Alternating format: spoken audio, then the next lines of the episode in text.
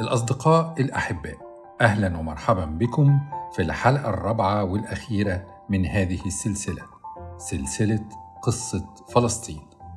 ورغم أن الحلقات تقترب من نهايتها إلا أن القصة نفسها قصة فلسطين اللي سافرنا فيها عبر 180 سنة من التاريخ لسه بدري على نهايتها.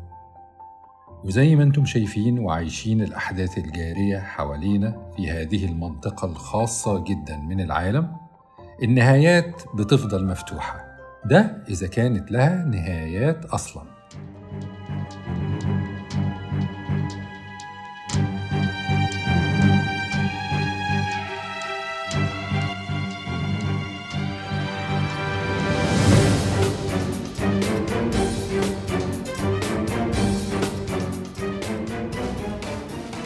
في حلقة النهاردة هنحكي عن قصة ال 23 سنة الأخيرة في فلسطين. سنوات المعاناة والكفاح. ومعارك الحرية اللي ملهاش سابق ولا مثيل في التاريخ الحديث. سنوات الملحمة الغزاوية.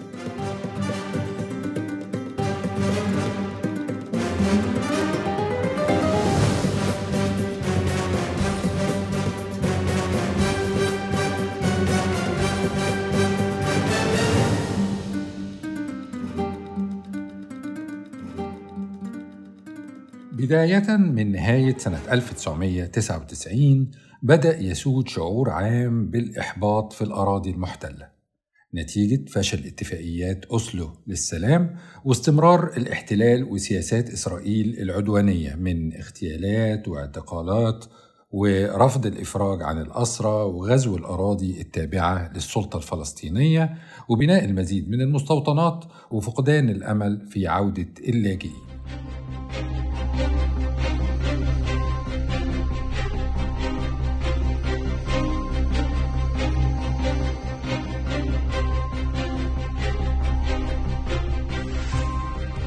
أشعل أرييل شارون رئيس وزراء إسرائيل في الوقت ده شرارة الانتفاضة الثانية لما دخل ساحة المسجد الأقصى يوم 28 سبتمبر سنة 2000 تحت حراسة ألف جندي صهيوني وأعلن شارون إن جبل الهيكل وده المسمى المتداول عندهم للمسجد الأقصى سيظل دائما وأبدا تحت السيادة الإسرائيلية. Uh, I'm sure that uh, the uh, sovereignty over the Temple Mount. It's in our hands now. It will be in our hands in the future. That will be the future.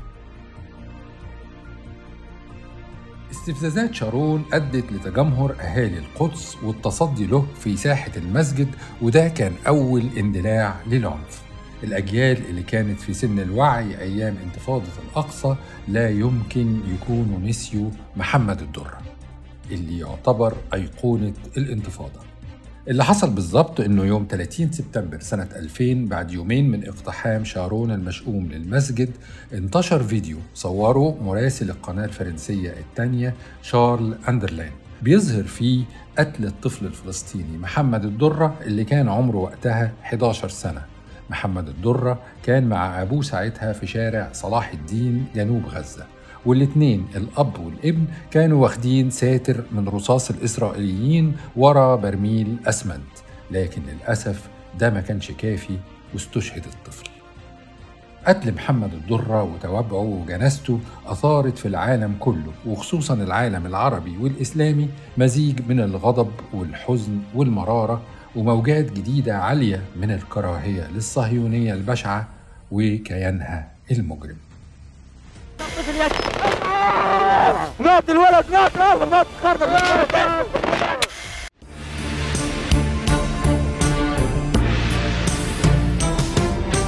كان طفل فلسطيني ده بيته وده كل اللي جناه. ده تاريخه وتاريخ أجداده ودي أرضه وسماه هنا جرجس ومحمد أصحابه جه ظالم وسرق أحلامهم كل أملهم راح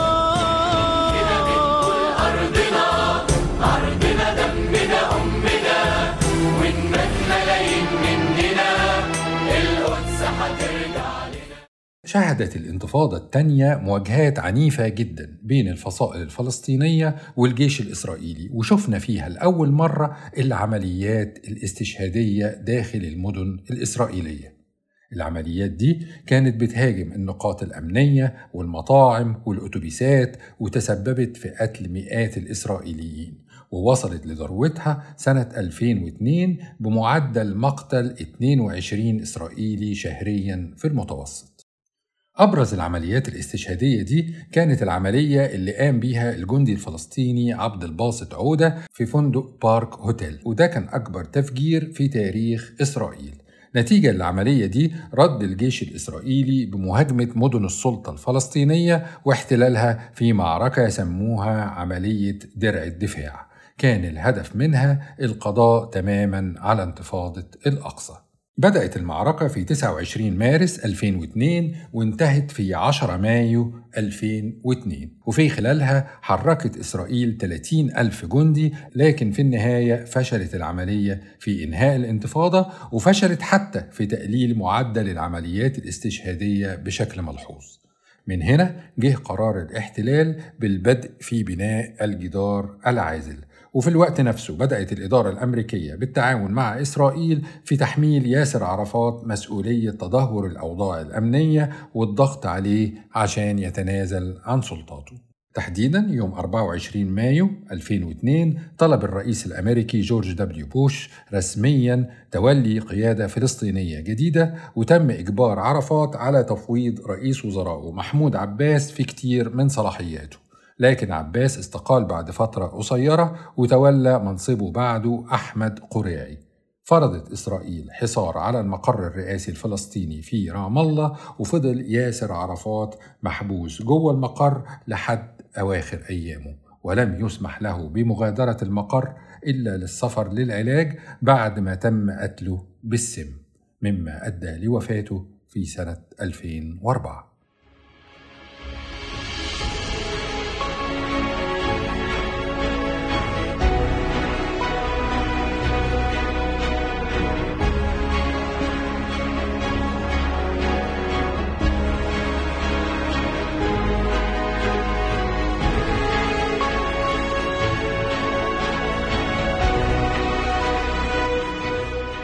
يوم الاثنين 22 مارس 2004 طائرة إسرائيلية أطلقت عدة صواريخ تجاه الشيخ أحمد ياسين مؤسس حركة حماس.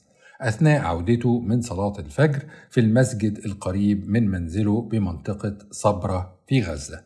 عملية أشرف عليها بنفسه أرييل شارون رئيس وزراء إسرائيل وقتها. طائرات الأباتشي أطلقت ثلاث صواريخ أصابت الشيخ ياسين المقعد في مقتل. فاستشهد في الحال على كرسيه المتحرك هو وسبعة من مرافقيه. كما أصيب في الحادث اثنين من أولاد الشيخ الشهيد رحمه الله. توقفت الانتفاضة يوم 8 فبراير 2005 بعد اتفاق الهدنة اللي عقد في قمة شرم الشيخ بحضور أريل شارون والرئيس الفلسطيني المنتخب وقتها محمود عباس. استشهد في الانتفاضة 4412 فلسطيني. وأصيب فيها 48322 آخرين. أما الإسرائيليين فقتل منهم 334 عسكري و735 مستوطن بعدد إجمالي 1069 بالإضافة ل 4500 مصاب. تم تدمير 50 دبابة مركافة إلى جانب عدد كبير من المركبات الإسرائيلية. هيئة شؤون الأسرى والمحررين الفلسطينية وثقت حوالي 126 ألف اعتقال خلال الانتفاضة الثانية منهم أكثر من 18 ألف طفل تحت عمر 18 سنة. في صيف 2005 طبقا لاتفاق الهدنة وافق شارون على إطلاق سراح 900 من الأسرى الفلسطينيين اللي عددهم وقتها كان تقريبا 7500 أسير. كمان انسحب الجيش الإسرائيلي من المدن اللي كان احتلها على مدار سنوات الانتفاضة.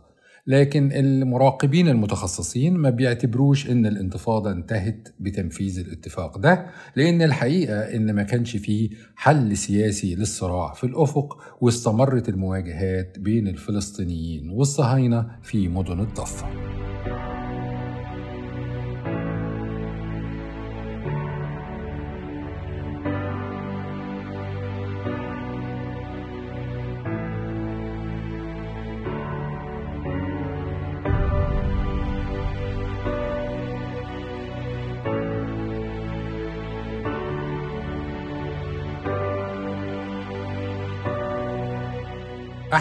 انتفاضة الأقصى مشاعر وأفكار وسلوكيات إيجابية جمعية كانت اتنست من فترة طويلة والناس افتكروا إنها ماتت.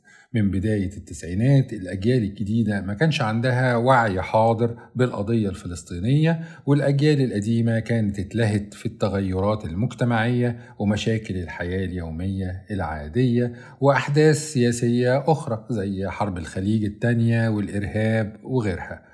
لكن الانتفاضة غيرت كل ده وحدت الشعوب العربية والإسلامية وخلقت وعي وشحذت همم ورجعت فلسطين لصدارة الاهتمام ورنت جرس انتباه للأعداء الحقيقيين للأمة. ابتدت من جديد مقاطعة منتجات الدول الداعمة للصهيونية وعلى رأسها أمريكا وحتى الفن. بدأ يفوق من غيبوبته وتغير ورجع يقوم بدوره بعد ما كان غيب الناس سنين طويلة. يا جماعة إحنا مش عايزين مشاكل. مش عايزين مشاكل إحنا في ورطة. السلام سلام. ده اللي إحنا عايزينه وهم كمان عاوزينه. هم مش عايزينه. إحنا اللي قدمناه. إحنا اللي بدأناه. خدنا قصاده إيه؟ ده أمر واقع. يتغير. اطلعي بقى من سكاتك وارفعي إيدك راياتك. اطلعي بقى من سكاتك وارفعي إيدك راياتك. من هنا سكة سلامتك الخطر بيزيد بصمتك. نور العالم بشمسك واهزمي بالفن صمتك. نور العالم بشمسك واهزمي بالفن صمتك. احرس الحرية أرضك اطلعي اطلعي ما من سكاتك وارفعي بإيدك راياتك اطلعي ما من سكاتك وارفعي بإيدك راياتك من هنا سكة سلامتك من هنا سكة سلامتك. من هنا سكة سلامتك من هنا سكة سلامتك.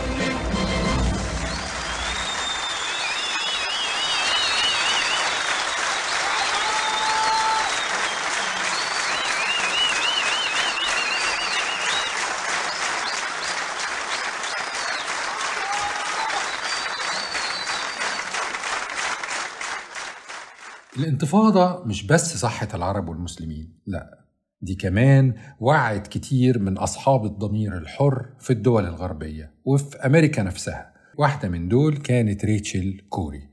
ريتشل كانت فتاة أمريكية اتولدت يوم 10 إبريل 1979 أثناء دراستها في كلية إيفر جرين تطوعت كناشطة سلام في مجموعة تضامن صغيرة اسمها Olympians for Peace and Solidarity. فيما بعد انضمت ريتشل لحركة التضامن الدولية وفي آخر سنوات دراستها الجامعية قدمت طلب إنها تقوم بدراسة الأوضاع في الأراضي الفلسطينية وقررت تروح فلسطين علشان تنضم للاحتجاجات هناك. في أول ليلة لريتشل في فلسطين نصبت هي واتنين من زملائها خيمة داخل المنطقة جي ودي منطقة فيها كثافة سكانية فلسطينية عالية وكانت معروفة بتكرار إطلاق النار عليها من أبراج المراقبة الإسرائيلية. وحاولت ريتشل وزملائها إنهم يمنعوا إطلاق النار ده بنصب خيمتهم ما بين الفلسطينيين وقناصة برج المراقبة مع وضع لافتات وعلامات تحذيرية إنهم جزء من مجموعة تضامن دولية. لكن ده لم يجدي مع الإسرائيليين واستمروا في إطلاق النار فاضطرت ريتشل مع زملائها إنهم يشيلوا خيمتهم ويرحلوا عن المكان.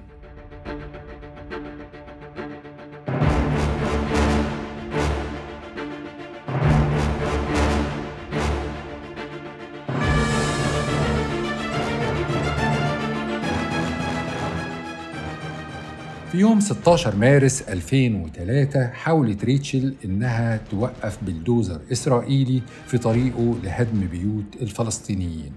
وقفت قدام البلدوزر لإيقاف عملية الهدم. لكن سائق البلدوزر مع سبق الإصرار دهسها مرتين طبقا لشهود العيان. رفضت محكمة حيفا الإسرائيلية الدعوة اللي رفعتها عائلة ريتشل كوري. لأن سائق البلدوزر في التحقيقات قال إنه ما كانش شايفها بعد ما رمت نفسها قدام البلدوزر. رغم إن الصور المقدمة في القضية بتبين بوضوح إن ريتشل كانت واقفة على رجليها وظاهرة بوضوح قدام السابق وبكده كالعادة برأت المحكمة من جديد مجرم قديم عريق في الانحطاط اسمه جيش الدفاع الإسرائيلي. أحد أعضاء الكونجرس الأمريكي برايان بيراد قدم مسودة قرار يطلب من حكومة الولايات المتحدة إنها تقوم بتحقيقات كاملة مستقلة في مقتل الناشطة الأمريكية. لكن لا الكونجرس ولا حكومة الولايات المتحدة حركوا ساكنا لتفعيل هذا الطلب. ياسر عرفات الرئيس الفلسطيني وقتها استقبل عائلة ريتشل وعبر عن الحزن والأسى لمقتلها. ووعد بتخصيص أحد شوارع رام الله لتخليد ذكراها وقال لأم ريتشل إن بنتها أصبحت ابنة لكل الفلسطينيين. وبالفعل يوجد في رام الله شارع باسم ريتشل كوري وكذلك تم تسمية إحدى سفن أسطول الحرية اللي حاول يفك حصار غزة لاحقا باسم الناشطة اللي ضحت بحياتها علشان تنصر المظلومين.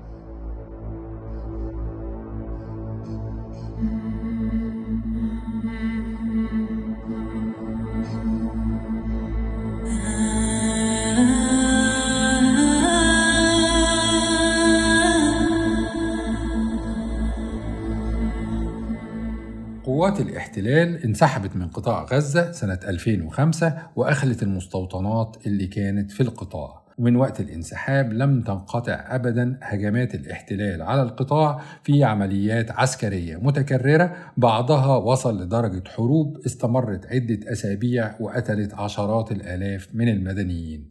بعد ما سيطرت حركة المقاومة الإسلامية حماس على القطاع في يونيو 2007 أعلنت إسرائيل إن غزة بقت كيان معادي وده كان في سبتمبر من نفس العام. بعدها بشهر في أكتوبر 2007 بدأت إسرائيل حصار كامل للقطاع مستمر منذ 16 عاما حتى يومنا هذا.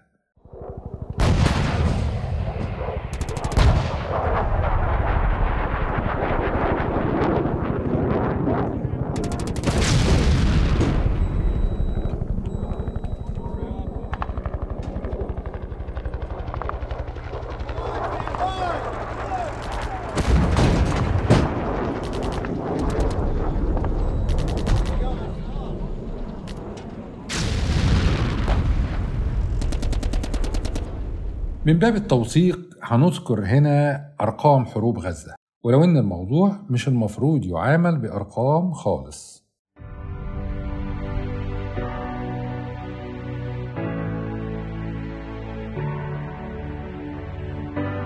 الشهداء مش مجرد أرقام المصابين مش مجرد أرقام المهجرين مش مجرد أرقام البيوت المهدمة مش مجرد أرقام. الصواريخ والأسلحة مش مجرد أرقام. كل شهيد وكل مصاب وكل مهجر وكل صاروخ وراه وقدامه وحواليه حياة وأحاسيس ومعاناة وأحباب وأصدقاء ومشاريع ومستقبل وأحلام وذكريات وضحك ودموع وقلوب انفطرت وأرواح انخلعت.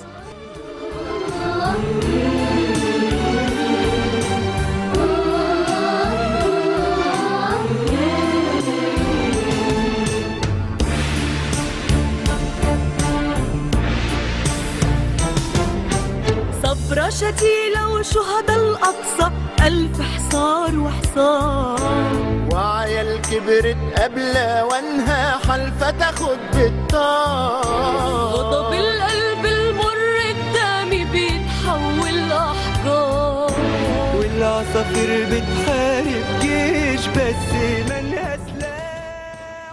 أول حرب ضد غزة تحديدا كانت سنة 2008-2009 معركة الفرقان زي ما المقاومة سمتها أو الرصاص المصبوب زي ما إسرائيل سمتها. استمرت 23 يوم وتوقفت في 18 يناير 2009 استخدمت فيها أسلحة محرمة دوليا زي الفوسفور الأبيض واليورانيوم المنضب وأكثر من ألف طن من المتفجرات. المقاومة الفلسطينية قدرت فيها تستهدف مستوطنات غلاف غزة بحوالي 750 صاروخ. وبعض الصواريخ دي وصلت مدن أشدود وبير سبع للمرة الأولى. أدت الحرب لمقتل 11430 فلسطيني منهم أكثر من 400 طفل و240 امرأة بالإضافة ل 5400 جريح وتدمير 10000 منزل. قتلى إسرائيل كانوا 13 شخص منهم 10 جنود بالإضافة ل 300 مصاب.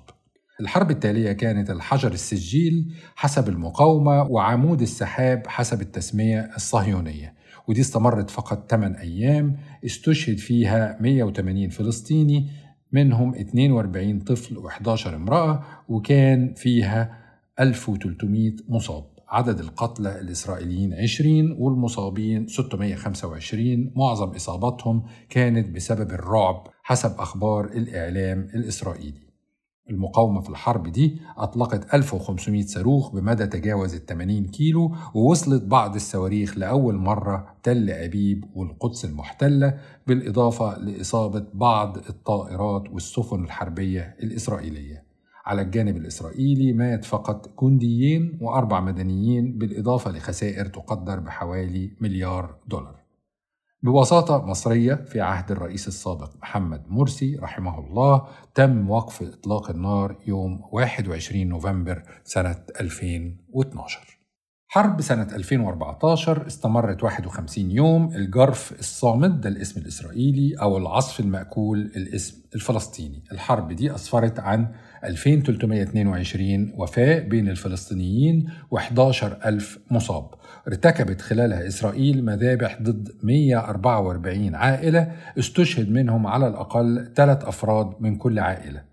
اتقتل في الحرب 68 عسكري إسرائيلي وأربع مدنيين وعامل أجنبي وأصيب 2522 إسرائيلي منهم 740 شخص عسكري.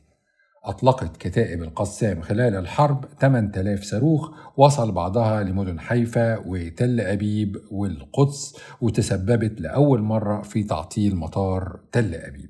في الحرب دي برضو لأول مرة تمكنت المقاومة من إطلاق مسيرات إلى الداخل الإسرائيلي وعجز الدفاع الجوي الصهيوني عن رصدها حتى توغلت أكثر من 30 كيلومتر في العمق الإسرائيلي. كان في كمان في 2019 معركة صرخة الفجر و2021 معركة سيف القدس حسب المسمى الفلسطيني أو حارس الأسوار بالمسمى الإسرائيلي. 2022 الفجر الصادق بالإسرائيلي أو وحدة الساحات بالفلسطيني لحد ما وصلنا لطوفان الأقصى يوم 7 أكتوبر 2023 واللي سمتها إسرائيل السيوف الحديدية وما زالت مستمرة.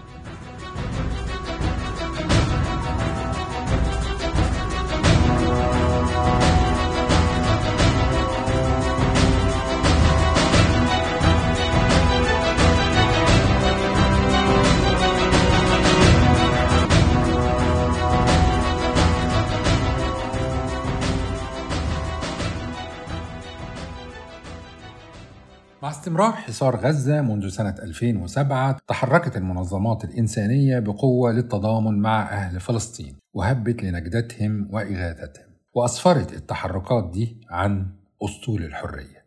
أسطول الحرية كان عبارة عن ست سفن واحدة منهم كانت تتبع مؤسسة الإغاثة الإنسانية التركية مافي مرمرة والسفينة الثانية مولتها الجزائر والكويت بالإضافة لثلاث سفن تابعة للحملة الأوروبية لرفع الحصار عن غزة. من السويد واليونان ومنظمة الحرية لغزة وكان على متن السفن إمدادات ومساعدات إنسانية وحوالي 800 ناشط في السياسة وحقوق الإنسان وصحفيين ممثلين لوسائل إعلام عالمية. اتحركت السفن من مواني مختلفة في جنوب أوروبا وتركيا واتفقوا إن نقطة الالتقاء تبقى ميناء ليماسول في قبرص ومنها لغزة. بدأت الرحلة يوم 29 مايو 2010 وعليها 10,000 طن معدات ومساعدات لكسر الحصار اللي كان في الوقت ده بدأ عامه الثالث على التوالي. كان المفروض يبقوا 8 سفن لكن في سفينتين أصابهم عطل فني فواصل الأسطول رحلته بست سفن. شخصيات كتير من 50 دولة شاركوا في الرحلة وكان من أبرزهم أعضاء في البرلمان الأوروبي وبرلمانات ألمانيا وإيطاليا وأيرلندا وتركيا ومصر والكويت والمغرب والجزائر والأردن. بالإضافة لأعضاء عرب في الكنيسة الإسرائيلي وأكثر من 700 شخصية نشطة في حقوق الإنسان وإعلاميين زي ما قلنا.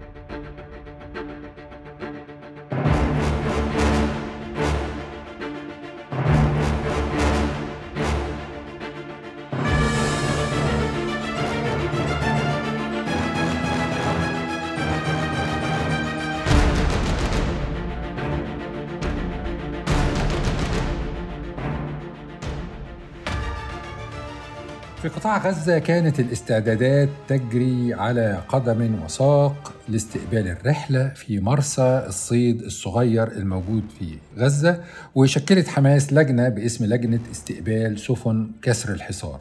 وجهزت اللجنة حوالي 100 مركب فلسطيني لاستقبال الأسطول في البحر. طول الحرية.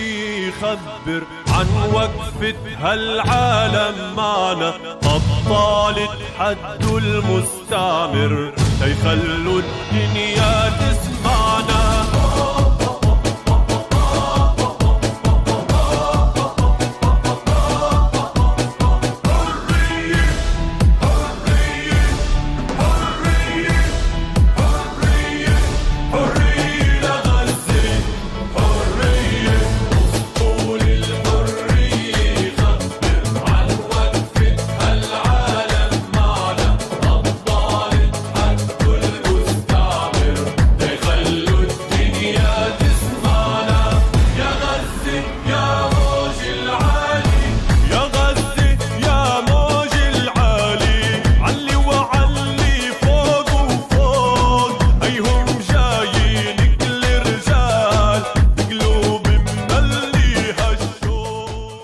وجه إسماعيل هنية رئيس وزراء قطاع غزة نداء للمجتمع الدولي بدعم السفن المتوجهة للقطاع. في الوقت نفسه حذرت إسرائيل إنها هتستخدم القوة لمنع وصول الأسطول وترحيل النشطاء اللي جايين معاه. صرح المتحدث باسم الجيش الإسرائيلي إن السفن الحربية الإسرائيلية اتحركت بالفعل لعرض البحر علشان تقطع الطريق على أسطول الحرية.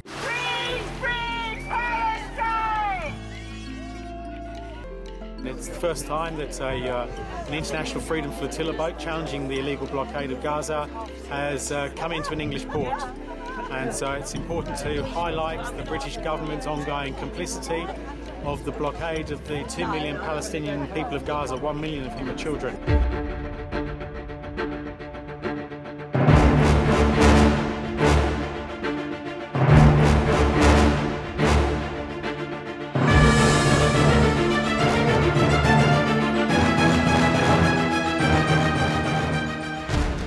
في فجر يوم 31 مايو 2010 الساعة 4 صباحا هجمت القوات الإسرائيلية سفن أسطول الحرية في المياه الدولية وقتلت تسع نشطاء وأصابت 26 آخرين في أحداث وصفت في وسائل الإعلام بالمذبحة والجريمة الدولية وإرهاب الدولة like slingshots, poles, chairs, whatever they could get hold of.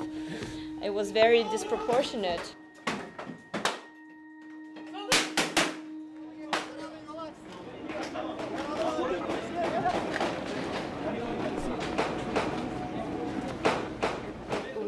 Never expecting full blown commandos coming as if we were in a war.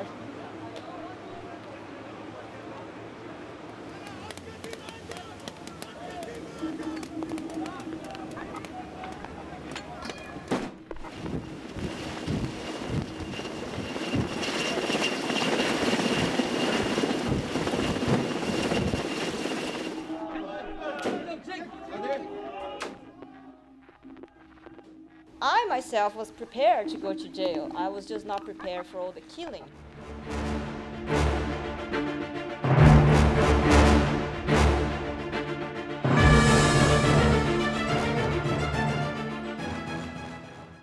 الهجوم قامت بيه القوات الخاصة الإسرائيلية اللي استخدمت الرصاص الحي والغاز. شهود العيان اللي كانوا على ظهر السفينة التركية مرمرة قالوا إن القوات البحرية الإسرائيلية شوشت على شبكة الإنترنت علشان تمنع الإعلام من بث الأحداث للعالم.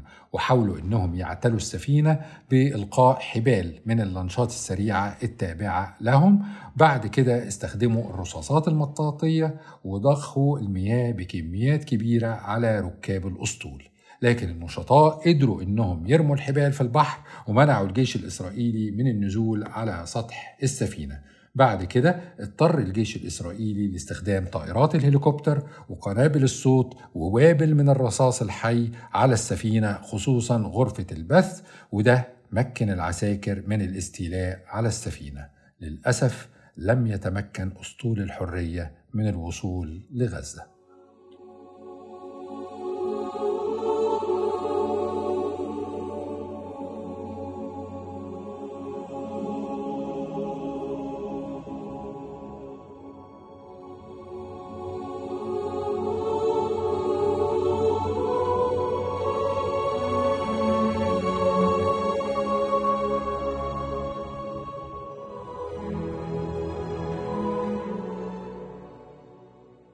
بعد النهاية الحزينة لمحاولة أسطول الحرية تقدم 87 من أعضاء مجلس الشيوخ الأمريكي بمشروع لتصنيف مؤسسة الإغاثة الإنسانية التركية منظمة إرهابية لقيامها بقيادة أسطول الحرية. وكذلك توجهت هذه المجموعة من أعضاء الكونجرس بالشكر للإدارة الأمريكية لاستمرارها في دعم إسرائيل بمجلس الأمن. مع التأكيد على حق إسرائيل في الدفاع عن نفسها بحصار غزة ومنعها من الحصول على أي مواد قد تستخدم في الهجوم على الكيان الصهيوني. في السنة التالية 2011 كان في محاولة أخرى لكسر الحصار بواسطة أسطول الحرية 2 وتكررت المحاولة مرة ثالثة سنة 2015 أسطول الحرية 3 وزي ما حصل مع أسطول الحرية واحد أحبطت إسرائيل الرحلتين التاليتين.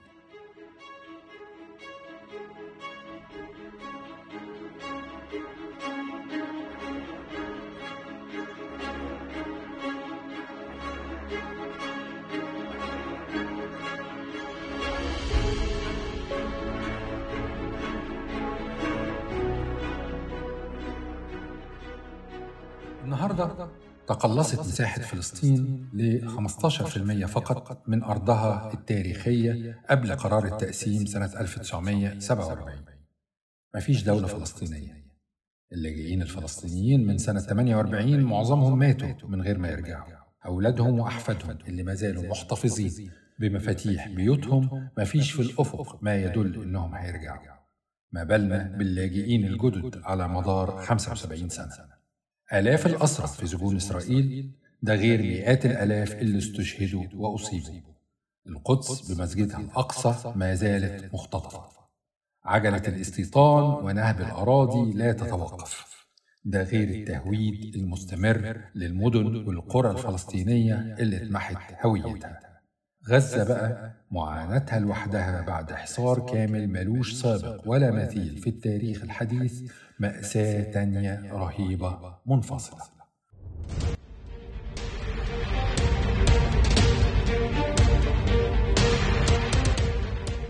ست ساعات في ال- في اليوم بنقدر بنقدرش أهوى أولادي بس وأنا بهوى عليهم والله العظيم. ومن كتر من شدة الحرارة الدبان والبعوض والبراغيث أكلت والله العظيم الأولاد.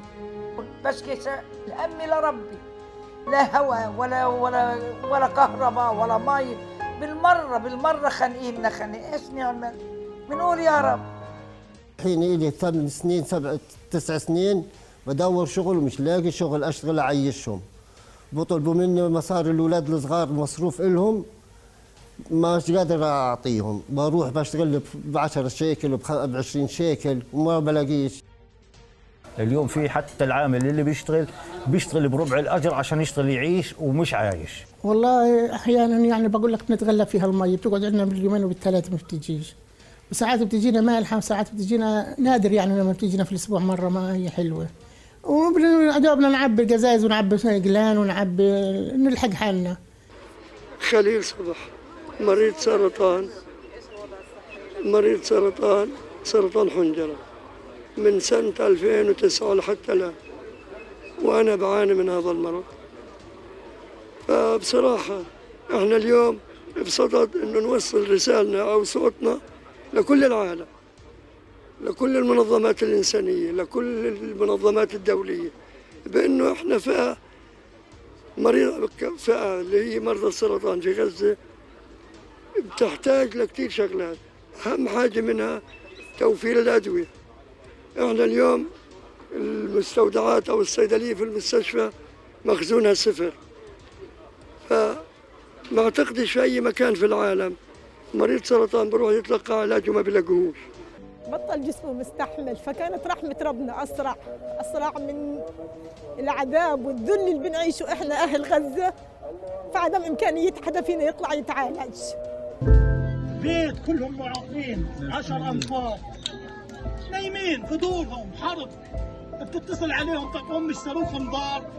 صاروخ تحذير بتعطوهم مش. من أول صاروخ بتنزل عليهم الدار. عشر معاقين في البيت أطفال شباب. بنا ما إيش بدنا نحكي؟ بنام في الزيتون بنام عند الجيران يوم. بنام الشقة من يوم. فتحوا له الناس دورهم الجيران والحبايب بس بدي بس سكن لأولادي. طيب 45 نفر. العدوان المستمر على قطاع غزة أدى إلى شلل في الحركة الاقتصادية في قطاع غزة.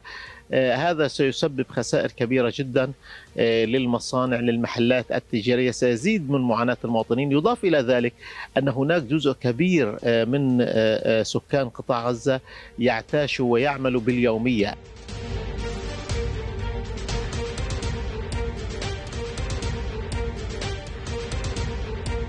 لو خدنا كده سناب شوت أو لقطة لغزة يوم 7 أكتوبر 2023 أو بلاش 7 نقول 6 أكتوبر 2023 قبل طوفان الأقصى مباشرة. هنلاقي أحوال غزة عاملة إزاي؟ نسبة البطالة 47% 64% تحت خط الفقر. من كل خمس مواطنين في غزة أربعة عايشين على المساعدات والمنح. نص عائلات غزة بيعانوا من انعدام الأمن الغذائي. واحد من كل ثلاث أطفال عنده فقر دم وده ينطبق أيضا على 43% من النساء الحوامل. 40% نقص الأدوية الأساسية يعني أدوية سكر وسرطان ومضادات حيوية ومسكنات وأدوية قلب وما شابه. سلطات الاحتلال بتمنع دخول أجهزة طبية مهمة زي أجهزة الأشعة وبتمنع دخول قطع غيار للأجهزة المعطلة. كل ده من قبل الحرب الحالية. بتتم الموافقة فقط على تلت تصاريح السفر للعلاج خارج القطاع والموافقة بتستغرق في المتوسط 23 يوم عمل. مئات المصانع تم إغلاقها وتسريح آلاف العمال بسبب عجز المواد الخام والوقود والكهرباء. زي ما سمعناهم من شوية الكهرباء في معظم الأيام متاحة أقل من 12 ساعة يوميا. الفلاحين ممنوعين من زراعة 35% من الأرض الصالحة للزراعة. الصيادين بيتعرضوا بشكل يومي لحوادث إطلاق نار متعمد من قبل البحرية الإسرائيلية.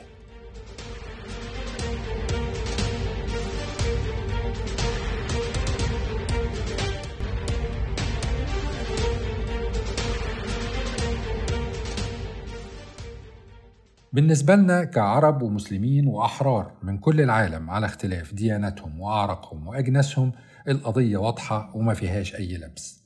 الحق فيها بينطق وبيزعق بعلو الصوت ونوره مشعشع والباطل مش مستخبي.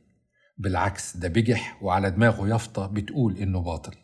أي شخص أو كيان عارف القصة من أولها لآخرها ويحاول يستعبط ويلبس الأمور ويخلطها ده يا إما صاحب مصلحة أو هوى. ودول اتكلم عليهم عالم علماء الصهيونية الدكتور عبد الوهاب المسيري رحمه الله. عايز يتاجر بس. بالعكس أنا أقول أكتر من كده. في يهود هيجوا ما هماش يهود ولا حاجة مسلمين بس بيلعبوا دور اليهودي. هيمثلوا إسرائيل خير تمثيل. طول ما إحنا داخلين في الاستقطابات ديت وكده. هوت إحنا المرحلة الجاية زي ما بيقولوا بالعامية المصرية هنتلحس تماما بقى خلاص. أو هناخد على قفانا. كويس؟ لأنه هيجي اليهودي الجديد اللي بسميه اليهودي الوظيفي هيجي وهيصلي العشاء معانا على فكرة. ودي مشكلة كبرى لأنه سيقوم بالوظيفة التي كان يقوم به بها قبل ذلك الجنرال الإسرائيلي أو التاجر الصهيوني أو كذا. القضية من طرفنا مش قضية عنصرية ولا معاداة دين معين. القضية وإن كان لها بعد إسلامي مهم إلا إننا مش بنعادي اليهود كيهود اليهود كانوا عايشين في سلام وسط العالم الإسلامي على مدار قرون لحد تأسيس دولة إسرائيل وده مش كلامنا إحنا ده كلام اليهود نفسهم الحاخام الشهير ديفيد فيلدمان بيؤكد ده بيقول إيه فيلدمان؟ It's very, very important to understand the difference between Judaism and Zionism. Judaism is a religion. من الأهمية بمكان إدراك الفرق بين اليهودية والصهيونية. اليهودية دين مجرد دين لا تشمل السياسة. بالمقابل فالصهيونية حركة سياسية بحتة. تتعلق بالقومية ولا تمثل الديانة اليهودية. للأسف يعتقد الناس أن هذين الاثنين نفس الشيء ويعتقدون أن اليهود يدعمون إسرائيل. ولكن الوضع ليس هكذا. العديد من اليهود يعارضون الجرائم التي ترتكبها إسرائيل و ويعارضون وجود إسرائيل نفسه. الذي يخالف أسس العقيدة اليهودية. في نيويورك مجتمع قوي جدا مناهض للصهيونية. في القدس في فلسطين المحتلة يوجد مجتمع قوي جدا مناهض للصهيونية من مئات الآلاف من الأشخاص. نحن نقول إن كل ما فعل بفلسطين خطأ. هذه الجرائم التي ارتكبت القتل السرقة الضغوط. ليس فقط ما نراه اليوم ولكن منذ البدء هناك هناك إبادة جماعية. احتلال فلسطين كان خطأ. هذه جريمة وليست جريمة فقط بالنسبة للقانون الدولي إنما من وجهة النظر اليهودية. التوراة تحرم كل هذه forbidden أسس اليهودية uh, تقول أن يجب أن يبقى اليهود في المنفى حتى لو لم يتم ارتكاب أي جرائم قبل Palestine. 100 before the عام كنا نعيش في سلام في فلسطين قبل اختراع الصهيونية. وهذا يمكن أن يحدث في المستقبل. ونأمل أن يحدث حيث لا احتلال ولا اضطهاد. وتتم إعادة كل الحقوق المحفوظة للسكان المحليين الأصليين. وفعلا صدق فيلدمان. شفنا آلاف اليهود بيعتصموا داخل محطة جراند سنترال أكبر محطة قطر في نيويورك تضامنا مع فلسطين.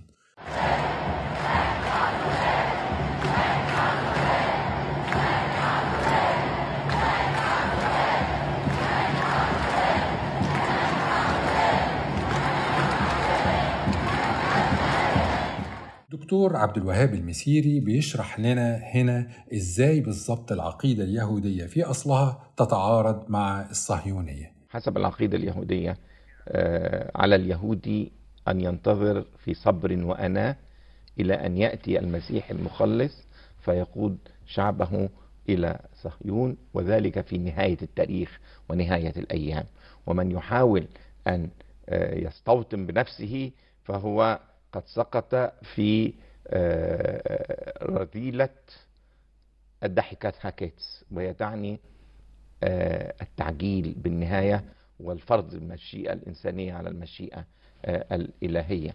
ولذلك كثير من الحاخامات في نهاية القرن التاسع عشر كانوا يرفضون الذهاب إلى القدس للحج حتى لا يفهم من ذلك تأييدا منهم للمشروع الصهيوني.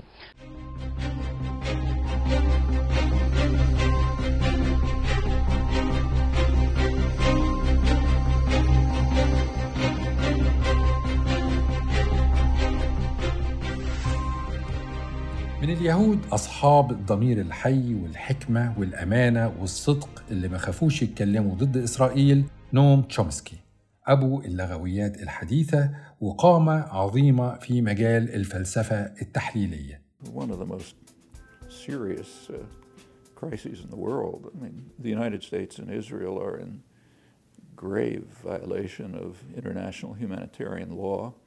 It's not my opinion, it's the opinion of the highest, the world's highest judicial authority, the International Court of Justice, which uh, declared that uh, the provisions of the, of the Geneva Convention, Fourth Geneva Convention, apply to the occupied إنها territories, واحدة من أخطر uh, which الأزمات means في that العالم all الولايات المتحدة وإسرائيل تقومان بانتهاكات خطيرة للقانون الدولي. هذا ليس رأيي. إنه رأي أكبر سلطة قضائية في العالم محكمة العدل الدولية التي أعلنت أن اتفاقيات جنيف تنطبق على الأراضي المحتلة مما يعني أن كل تلك المستوطنات وإقامة المستوطنين بها غير قانوني وأن الجدار العازل واقعيا انتهاك للقانون الإنساني الدولي. عندنا كمان البروفيسور اليهودي نورمان فينكلستين أستاذ العلوم السياسية اللي تصدى للصهاينة في عدة مواقف منها الموقف ده في إحدى محاضراته اللي واجه فيها طالبة صهيونية كانت بتتباكى لإثارة التعاطف مع إسرائيل Every single member of my family on both sides was exterminated. Both of my parents were in the Warsaw Ghetto Uprising. And it's it precisely and exactly because of the lessons my parents taught me and my two siblings that I will not be silent كل عضو في عائلتي سواء من ناحية أبي أو أمي تعرض للإبادة. أبي وأمي شاركا في انتفاضة وارسو ضد النازية. وتحديدا بسبب الدروس التي علمها والدي لي ولإخوتي لن أصمت عندما ترتكب إسرائيل جرائمها ضد الفلسطينيين. ولا يوجد شيء مثير للإشمئزاز أكثر من استخدام معاناتهم واستشهادهم لتبرير التعذيب والوحشية وهدم البيوت التي تمارسه إسرائيل ضد الفلسطينيين. أنا أرفض أن يتم إرهابي أو خداعي بدموع التماسيح. لو كان لديك أي مشاعر قلبية صادقة فيجب أن تكون مع الفلسطينيين. حتى من داخل إسرائيل نفسها في أصوات حرة منصفة زي الصحفي جدعون ليفي. أنا إسرائيلي ولدت في إسرائيل وأنا حتى أعتبر نفسي وطنيا إسرائيليا مخلصا. أهتم بإسرائيل وأنتمي لإسرائيل ومتعلق بإسرائيل. لا تتحدثوا عن تناظر لا يوجد تناظر. أنا حتى أقترح أنه لا يوجد صراع. هل كان هناك صراع بين فرنسا والجزائر؟ كان هناك احتلال فرنسي وحشي في الجزائر. وقد انتهى. والآن لا يوجد صراع إسرائيلي فلسطيني إنما يوجد احتلال إسرائيلي. End وحشي يجب other. ينتهي بطريقة أو بأخرى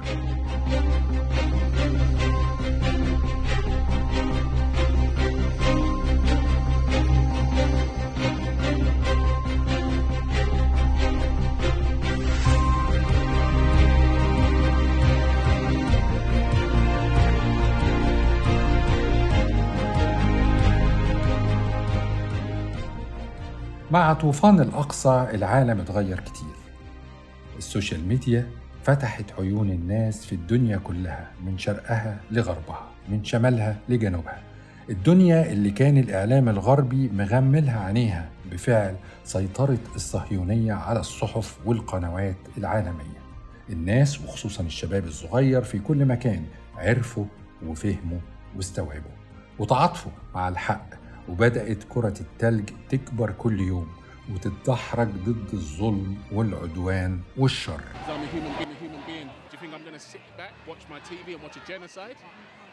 No chance. This isn't about religion, so it's not about being Muslim, being Jewish, whatever. أنا إنسان. تفتكر إني هقعد على الكنبة قدام التلفزيون أتفرج على إبادة جماعية؟ مش ممكن طبعا. الموضوع مش موضوع دين مسلم أو يهودي. أنا مسيحي بس أنا إنسان. ده اللي يهمني. الناس قاعدين يقولوا ده سجن مفتوح. لازم نحسن استخدام تعبيراتنا. الفلسطينيين رهائن. تخيل 2 مليون رهينة. اللي بيحصل ده مش هينتهي إلا لما يتحرر. Growing up as a white Christian conservative in the United States, ever since I was a kid, I was taught to have this blinding, نشأتي كمحافظ unwavering مسيحي أبيض في الولايات loyalty, المتحدة منذ أن كنت طفلا. Israel. تعلمت أن يكون لدي هذا الولاء الأعمى الذي لا يتزعزع وهو الولاء الأعمى لإسرائيل. لقد كنت مشروطا بالاعتقاد بأن إسرائيل هي الأرض الموعودة والإسرائيليين هم الشعب المختار وجميع العرب المحيطين بهم أرادوا فقط إبادتهم ومسحهم تماما من الخريطة. تم تعليمنا بأن محمد كان نبيا كاذبا وأن الذين يعبدون الله يعبدون الإله الخطأ وتم تعليمنا أن المفترض أن نتعهد بالولاء للولايات المتحدة ودعم الجيش الأمريكي ومساعيه في جميع أنحاء العالم وخاصة في الشرق الأوسط. ودعمهم لإسرائيل كان من المفترض أن ندعم ذلك مهما حدث والتشكيك في أي شيء سيكون غير أمريكي. ولكن الآن بعد أن أصبحت أكبر سنا وأصبح العالم في متناول أيدينا. بدأت أرى بعيني ما يحدث. بدأت أسأل عن كل شيء. أدركت أننا اشترينا الكذبة التي تروج لها وسائل الإعلام الغربية. في الواقع بدأت هذه الحرب قبل 75 عاما. بالأخص بدأت الحرب مع بداية التطهير العرقي للشعب الفلسطيني وسرقة أرضه. شيء واحد تعلمته عن الولايات المتحدة وغيرها من الدول الإمبريالية والمستعمرة. أنهم يحبون أن يضعوا أقدامهم على رقبة الآخرين ثم يتصرفون كأنهم قد صدموا لأن الضحية تدافع عن نفسها?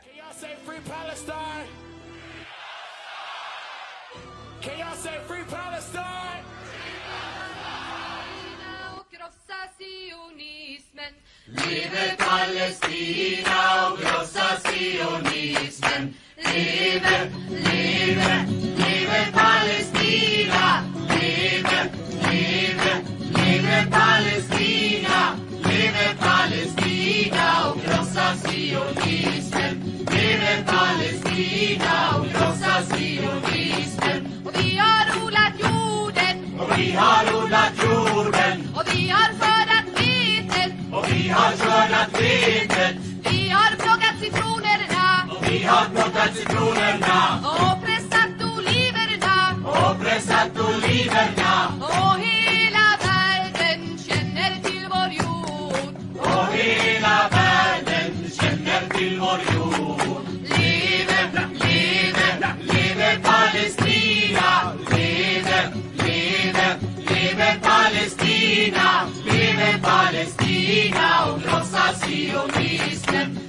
Leve Palestina och krossa sionismen. Och vi har kastat stenar på. Och vi har kastat stenar på Soldater och poliser. soldater och poliser. Och vi har skjutit raketer. Och vi har skjutit raketer Mot våra fiender. mot våra fiender.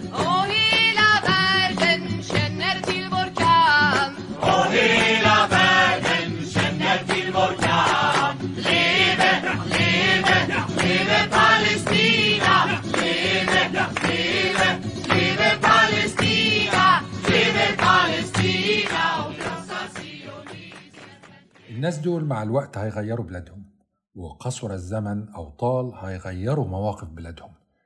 العالم العبقري دكتور جمال حمدان حدد إمتى هتسقط إسرائيل. يعتقد حمدان أن بداية نهاية إسرائيل هي عندما تهزم أول مرة وأن نهاية نهايتها ستكون عندما تطلب من أمريكا مساعدتها فلا تقدر الأخيرة على ذلك.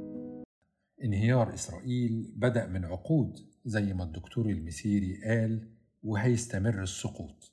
إنه بعد 67 منحنى الانتصار الإسرائيلي آه، اختفى وبدأ منحنى الهزيمة سواء حرب الاستنزاف حرب 73 آه، احتلال لبنان والانسحاب منها آه، الانتفاضة الأولى الانسحاب من جنوب لبنان الانتفاضة الثانية ثم توج كل هذا بالحرب السادسة اللي هي حرب مع حزب الله.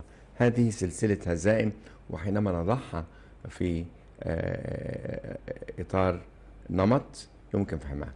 المفكرين الكبار بتوعنا حكوا كتير إزاي الصهيونية هتنتهي وإزاي ممكن ننتصر وإزاي ممكن يبقى كل واحد منا له دور. الدكتور مصطفى محمود والدكتور المسيري وباقي العقول اللي بتنور لنا الطريق.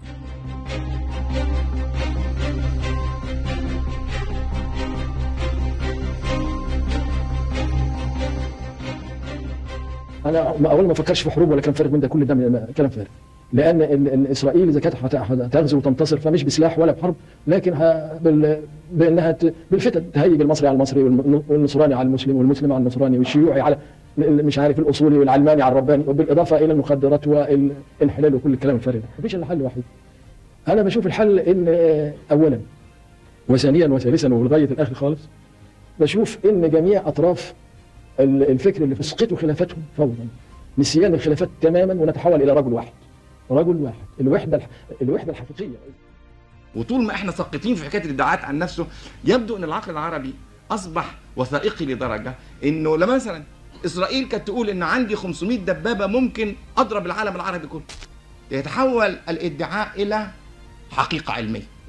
ما يقول العدو عن نفسه حقيقة علمية. وتحول الدراسات الصهيونية إلى عملية توثيق من تصريحات العدو. دون أن يكلف أحد خاطره بإن هو يدرس بنية العدو. واللي يكلف خاطره دراسة بنية العدو يعرف إن الجيش الإسرائيلي ده جيش- متخثر. إنه مثلا في المناورات بتاعته بيفرض بي بي بيسبب خسائر بشرية من أعلى النسب في العالم بحال. وهكذا وهكذا. في الواقع بقى أنا بقول إن الجماعة الفلسطينيين بتوع الداخل الانتفاضيين قاموا بالانتفاضة. وإحنا خايفين ليه؟ لأنه نظر إلى العدو متجاوزا ادعاءاته ولقى ضعفه لأنه بشر ممكن ينضرب ويتقتل ف- فهم إحنا بره بقى لسه بناخد تصريحات العدو وندرسها ونقول يا نهار أسوخ يا نهار أسوخ تصريحات العدو. على مدار أربع حلقات بالعربي وأربع حلقات بالإنجليزي حكينا قصة فلسطين اللي امتدت في رحلة عمرها 180 سنة.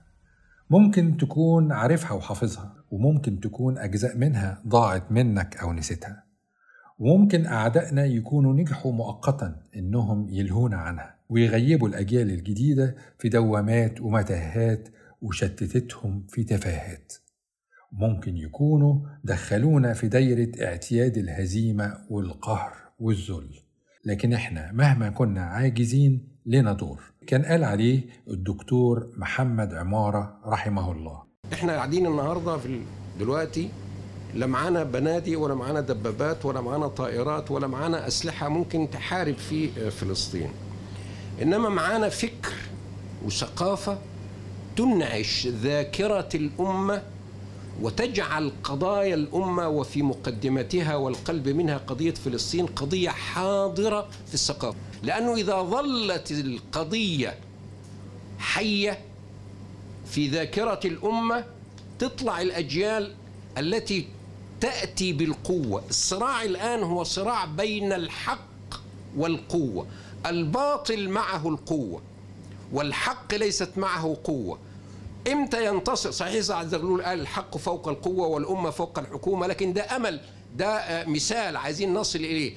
بدون قوة لا يستطيع الحق أن ينتصر. كان الشيخ محمد عبده يقول الباطل يعيش بالنظام والحق لا يعيش بدون النظام لأن النظام في حد ذاته حق.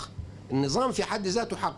إذا الثقافة إنعاش ذاكرة الأمة بقاء القضية وثقافة القضية الفلسطينية حية في ذاكرة الأمة هي التي ستولد القوة التي تدعم هذا الحق. خلي القصة حية جواك وجوه كل إنسان تعرفه. قصة فلسطين والهم والدم والروح والأمل اللي عايشين مع قصة فلسطين. واللي إحنا شعب الجبارين ما بنذل بنلين وعاشت عاشت فلسطين والقدس عربية. ليكي سهم في المعركة. وليك سهم في المعركة. وليا سهم في المعركة. ارموا سهمكم وما تستقلوش بيها. هيجي يوم وتفتخروا ويفتخر أولادكم وأحفادكم بيها ولو بعد حين. عايش عايش فلسطين. عايش عايش فلسطين.